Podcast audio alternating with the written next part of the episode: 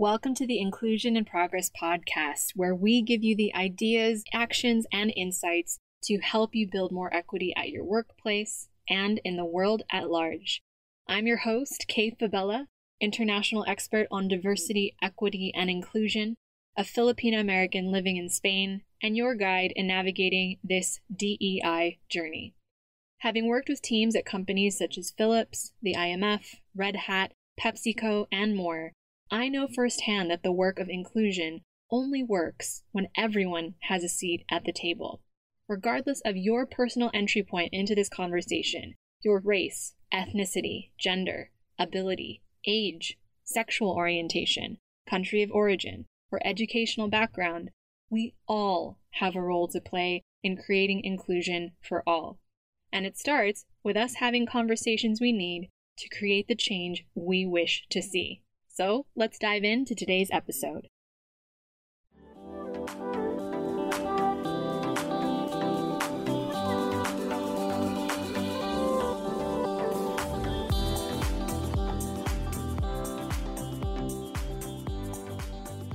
Hey again, and welcome back to the show. As we head into December, for me personally, I always like to look back on the year that was. And if we're thinking about this from IIP's perspective, if 2021 was all about the great resignation, 2022, and I'm pretty sure everybody's LinkedIn feeds were lit up with this stuff, 2022 is all about quiet quitting. And while the great resignation and quiet quitting may sound like polar opposites, they actually do have a lot in common. Because from our standpoint, both movements are about expressing a desire for our workforce to be valued, heard, and supported. So, what do companies need to focus on in 2023 to ensure that they continue to recruit and retain the best talent against the current landscape? I'm Kay Fabella. I'm a DEI or Diversity, Equity, and Inclusion consultant for remote teams. I'm the CEO of Inclusion in Progress LLC and your host for the Inclusion in Progress podcast, where you will get research backed industry insights into the future of work and practical how to's for equity and inclusion in a distributed digital first world. You're also guaranteed to get a global perspective as our fully remote team works with clients across EMEA, APAC, and the Americas. Now, with that in mind, in the spirit of reflection and looking back on the year that was, we've been through a lot this past year.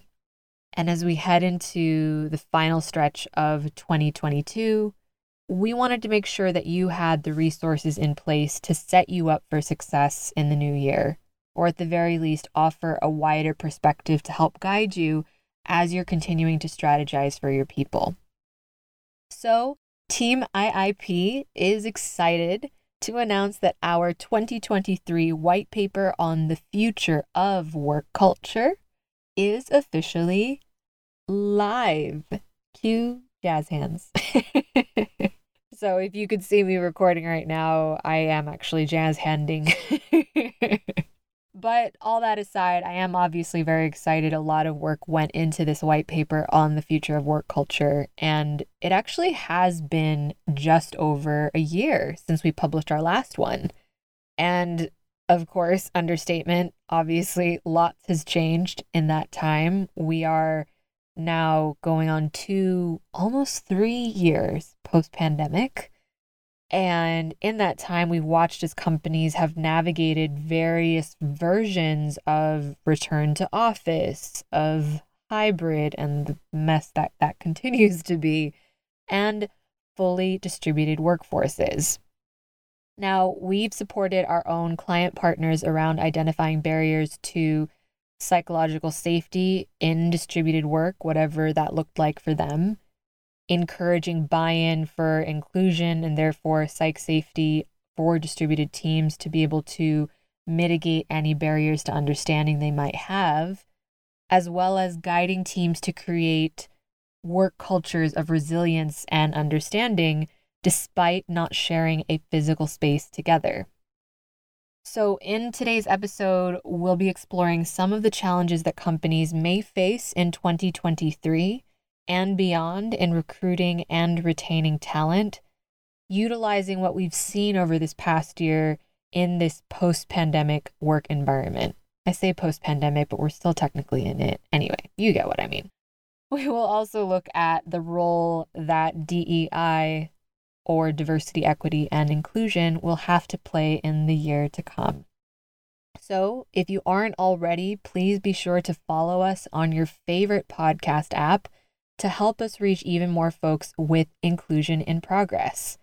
And if you are a longtime listener, as you will have seen, we have now officially hit the milestone of 100 episodes. And if you haven't already, please consider leaving us a review because every review really helps us reach listeners who would gain value from these conversations, whether it's a current or aspiring workplace DEI leader, an ally who's finding their way to support greater inclusion at work and in the world at large or a manager who's leading a globally distributed team. And your review directly helps more people who are leading equity and inclusion at work to have access to the discussions that we're having here on the podcast. And understatement, again, we really do need all hands on deck as we head into this new year and what is sure to be a challenging period ahead. It's hard to ignore the pandemic's impact on the increase of distributed workplaces. Whether companies chose to institute, whether it was hybrid or fully remote work.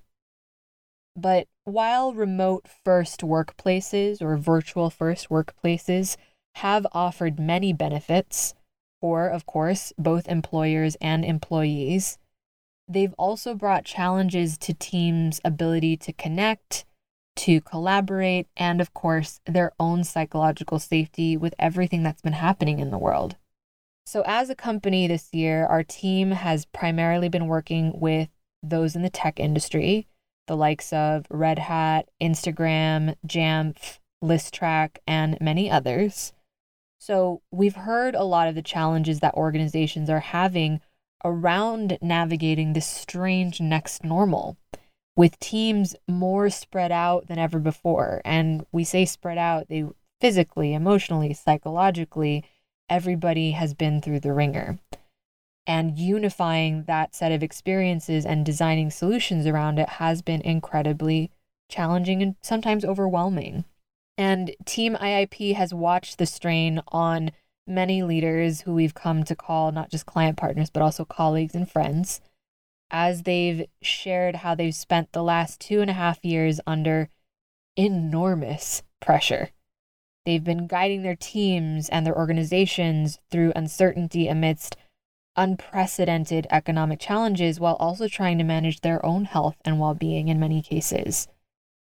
And we talk about this a lot more in our white paper, but we really think that the conversations that we have around psychological safety in 2023 and beyond really need to remember that the people leading psychological safety in organizations should also benefit from it. But that being said, the tech industry in particular, we think has the capacity and the responsibility to shape our future workplaces and influence global change considering that many of them actually helped shape this post pandemic distributed work environment that we have seen evolve in the first place. Now, as we're heading into 2023, even though for some of us our brains are still in March 2020, but that's beside the point, organizations like those in the tech industry have a new challenge. We've got an uncertain economy. We've got an uncertain labor market. We've got rising costs of living and inflation. And so companies that still have to continue to support people are now trying to set a standard for flexible work that balances the business priorities and outcomes that they still need to continue keeping top of mind with the expectations of employees post pandemic that now want and desire flexible work which is no easy feat, right? Nobody that we know has got this fully figured out. So, in today's episode, what we're going to try and do is dive into some of the ways that companies, particularly those we've worked with in the tech space, can engage top talent on distributed teams. And our hope is that you can take forward some of these lessons into your own organization as you're planning for 2023. So, the reality is, talent now has more options than before the pandemic. And that's the reason why we've seen movements like the great resignation and quiet quitting. Employees have figured out that not only can they be productive for companies, but they can actually have a life outside of it. And so, as organizations are navigating remote and hybrid workforces, employees, particularly those working in tech, are actually in higher demand than ever before. Because as we saw with the COVID 19 pandemic in 2020, software and technology, cybersecurity, all of these things became business critical for all industries around the world.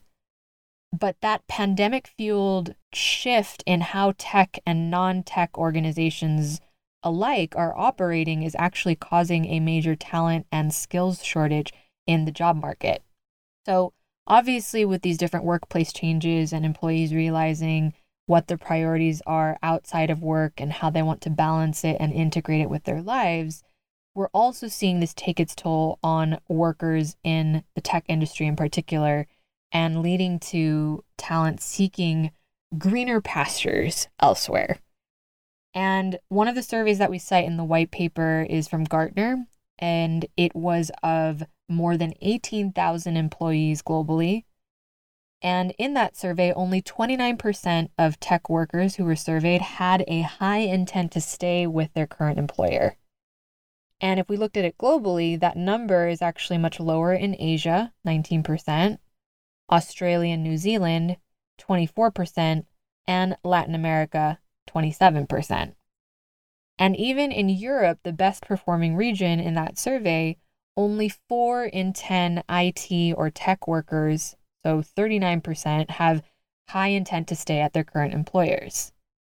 That same Gartner survey also found that IT workers are more inclined to quit their jobs than employees in other functions, with a 10% lower intent to stay than non IT or non tech employees, which is the lowest out of all corporate functions.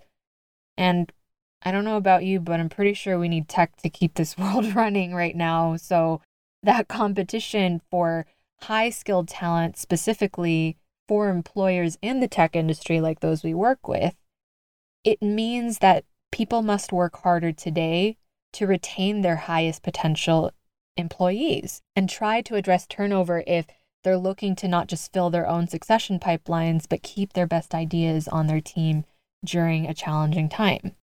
But we also know the reason why competition is so high for high skilled talent is because in this post pandemic world where flexible work is now something that companies are almost obligated to offer their employees, tech firms aren't the only companies offering that anymore.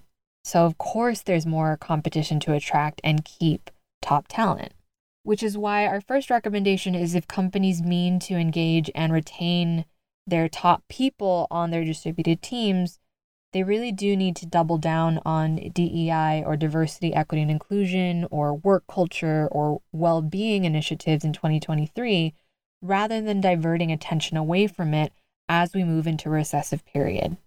So, we have heard some version of this on the podcast before, but this so called business case regarding whether or not diversity or inclusion initiatives are worth investing in for companies is truly getting harder and harder to ignore, especially when you consider this. A 2021 study analyzed the correlation between S&P 500 board members' diversity and their company performance both before and during the COVID-19 pandemic.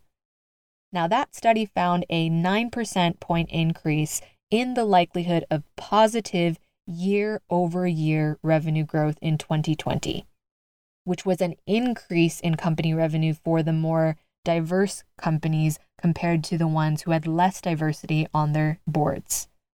Now, while all 500 companies experienced a lower revenue due to the pandemic, the year over year revenue grew overall by $58 billion for the companies with more diverse representation on their boards, versus a $283 billion drop for the less diverse boards, leading this report to conclude that boards with, quote, multidimensional diversity experienced less downside and even revenue growth throughout the pandemic. Thankfully, many tech leaders, including many of our partners, recognize the need to invest in this area as it demonstrates their ability to follow through on very public commitments that we saw corporate organizations make to DEI following George Floyd's murder and the resulting resurgence of the global anti racism movement in June 2020. So, since our last white paper was published in December 2021, we've witnessed tech companies investing in things like strengthening their commitment to DEI through investment in social impact initiatives, company wide DEI programming, inclusive leadership training for those at the VP level and above, and reaching out to support their internal teams with subject matter experts on business critical DEI topics. We've also seen folks providing greater flexibility to their employees to work where, when, and how they choose by setting impact driven outcomes instead of time driven ones for managers and teams. We've also witnessed tech companies investing in creating opportunities for career advancement and continued learning and development to upskill and retain tech workers, particularly underrepresented professionals, and increasing access to well being initiatives and mental health resources to mitigate burnout for tech teams. This past year, we supported one of our client partners in tech with piloting and relaunching an enterprise wide sponsorship program for employees from historically excluded groups to connect with senior leaders in order to build a more diverse succession pipeline and further demonstrate their ongoing commitment to DEI for both current and future talent. Like many tech companies, our client identified that their women and BIPOC, specifically Black, Indigenous, and people of color professionals, were underrepresented in leadership positions and more likely to leave due to systemic bias and non inclusive behaviors that they experienced at work. So they committed internal resources, achieved buy in from executive stakeholders, and partnered with providers like our Inclusion in Progress team to help bridge that gap. With the demographic shifts of future talent, particularly with more Gen Z professionals hailing from a more racially, ethnically, and gender diverse group across the globe than previous generations, tech organizations and companies overall have to continue to invest in diversity and inclusion initiatives if they hope to remain employers of choice in 2023 and beyond.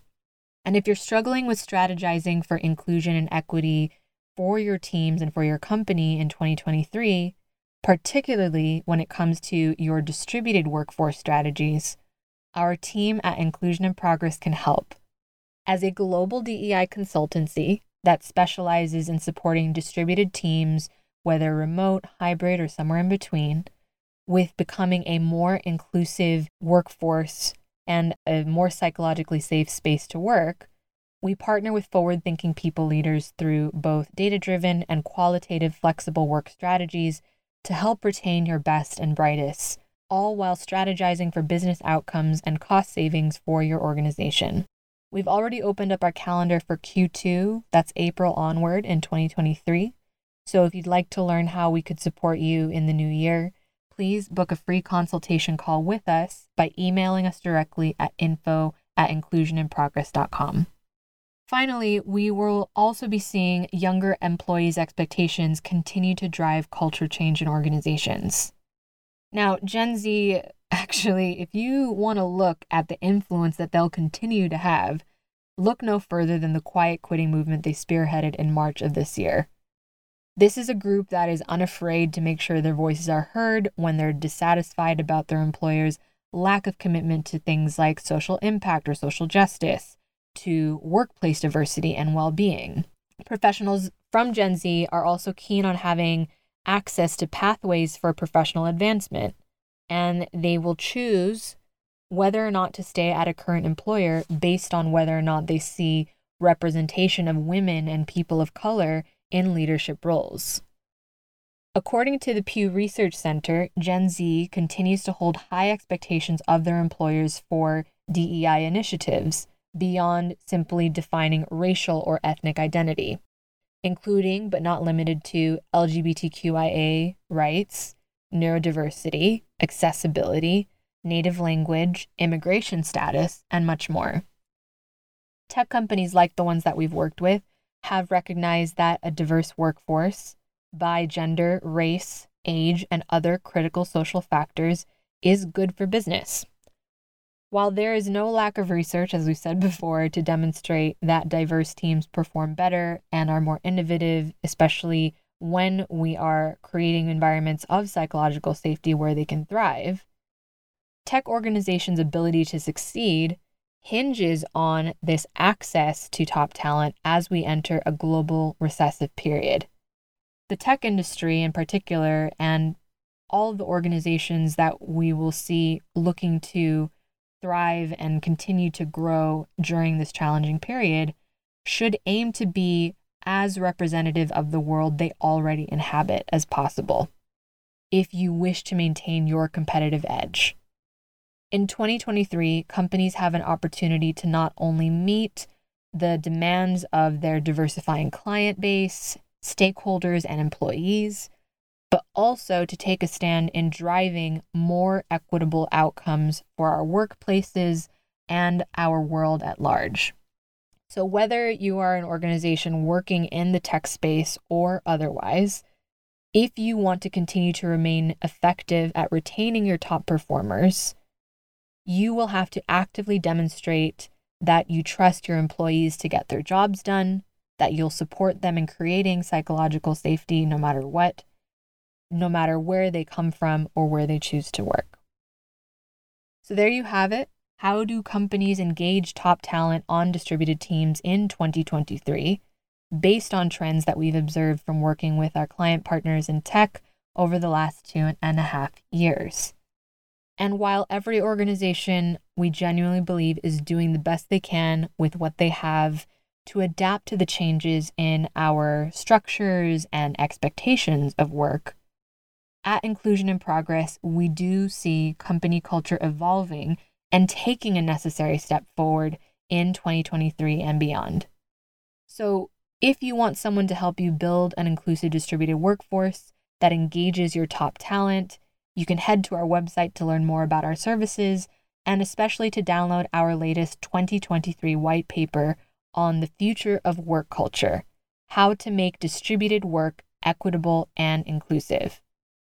As a global DEI consultancy that specializes in inclusive distributed work, we share our insights from working with companies across EMEA, APAC, and the Americas, so you can navigate the minefield of how to apply your inclusion strategy in a way that untaps the full potential of your distributed workforce next year and achieves your business outcomes.